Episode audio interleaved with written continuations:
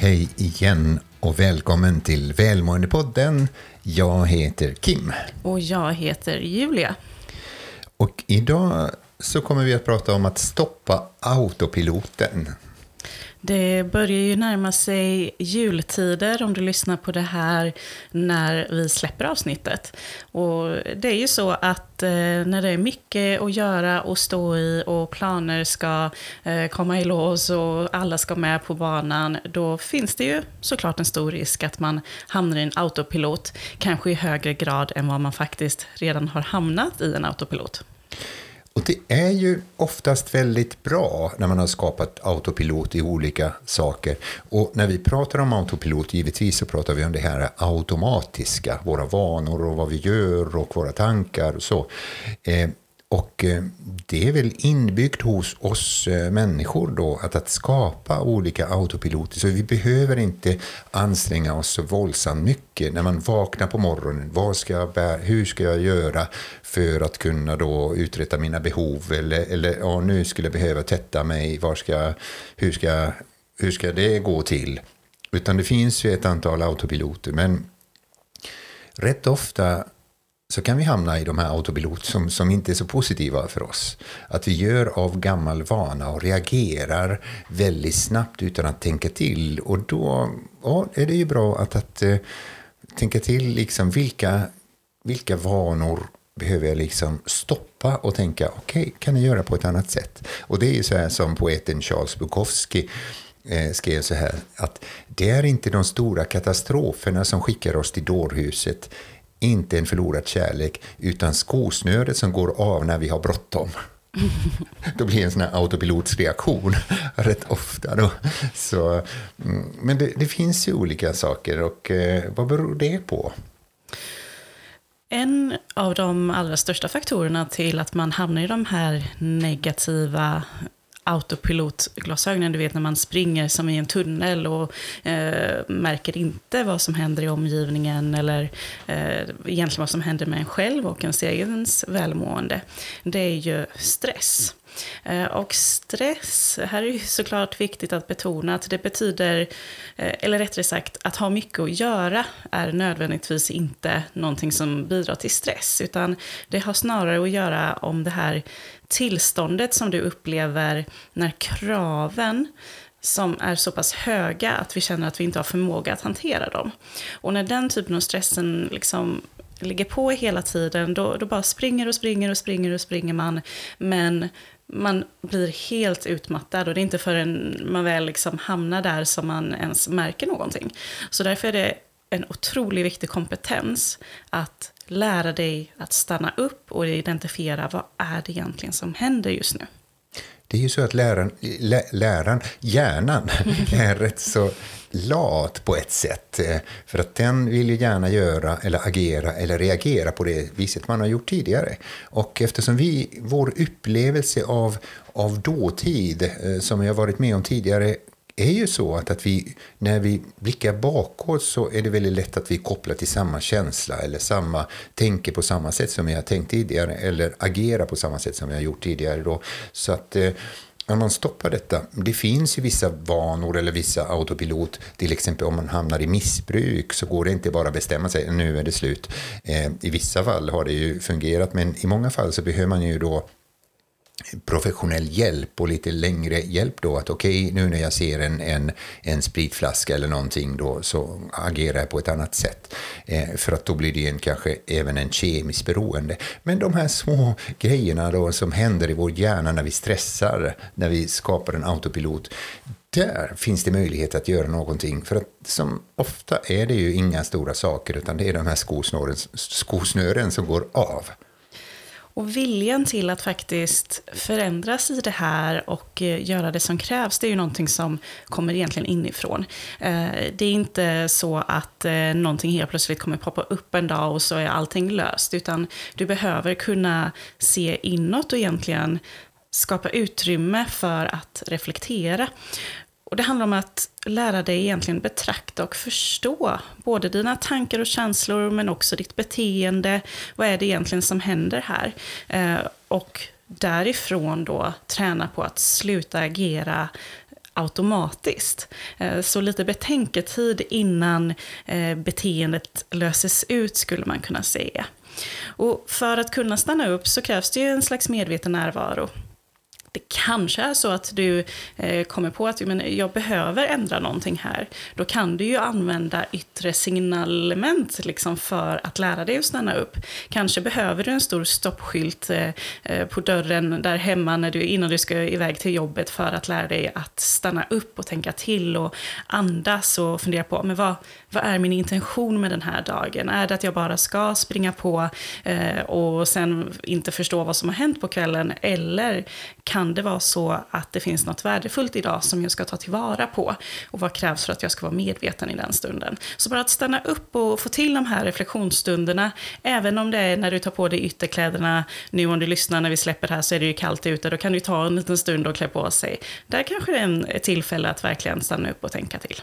Och en annan sak eh, eh som kan vara bra att ha till minnet. Då. Jag brukar ibland skriva en formel då, H plus R är likhetstecken med R, eh, även om det är två samma bokstäver. Men, eh, men H handlar om händelse plus reaktion, det blir en utgång eller resultat av, av, och, eh, av händelsen. Och då är det rätt ofta vi tänker på det här med händelsen. Och det är det som är viktigt. Om det bara, och det är alla dessa människor som säger om bara, om bara vädret är bra, om bara hon eh, är trevlig mot mig. Och, eh, och så skyller man på händelser, liksom. bara för att hon sa så. Eller det är precis som eh, på eh, sandlådenivån. Liksom. Han kastade eh, sand först. Så vi skyller på händelser. Men om vi fokuserar på att det inte är där lösningen är, utan själva reaktion. Hur reagerar jag på saker och ting? Och där kommer den här autopiloten in. Då. Liksom, jag stoppar autopiloten. Jag har alltid reagerat på ett visst sätt. Men nu tänker jag reagera på ett annat sätt. Och då blir en annan utgång eller annat resultat.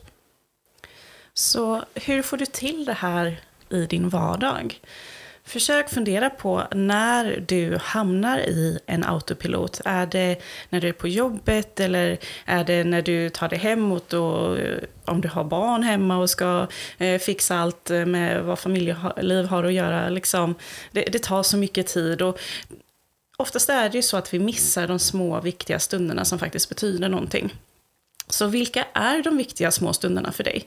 Eh, det, vi säger ofta att ja, de små stunderna är det som eh, betyder någonting. Men har du någonsin tänkt på vilka de små stunderna är? Du behöver ju vara medveten. Det, och det är ju så mycket som vi faktiskt landar i, att det handlar mycket om medvetenhet. Eh, och stanna upp och tänka till och reflektera.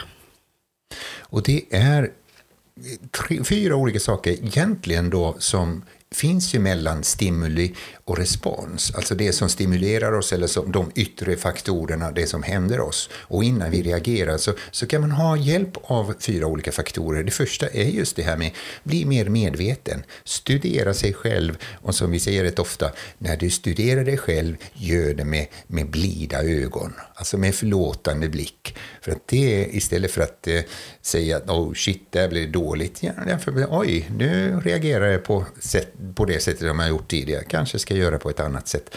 Det andra är självstyrning och börja tänka okej, okay, jag har en förmåga att uh, hålla igen munnen innan jag ska skälla ut någon.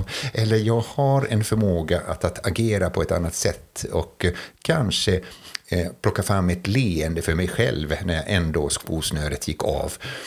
Eh, det tredje är ju då fantasi, som är så fantastiskt bra. Alltså det är ett enormt verktyg för oss och det är det som har gjort att vi idag finns flygplan och vi, vi har mobiltelefoner och så vidare på grund av kreativitet och fantasi. Och det kan du använda till, till din hjälp då när nå, någonting händer innan du reagerar. Så se dig själv som en sagofigur eller någon, någon eh, världsmästare på någonting. Eller se motparten som en som kanske kan vara en aggressiv eller, eller sur människa på ett annat sätt. Använd din fantasi så är det enklare att reagera. Och det sista, eh, det fjärde, handlar om ditt samvete. Att du tänker, okej, okay, vad är viktigt för mig?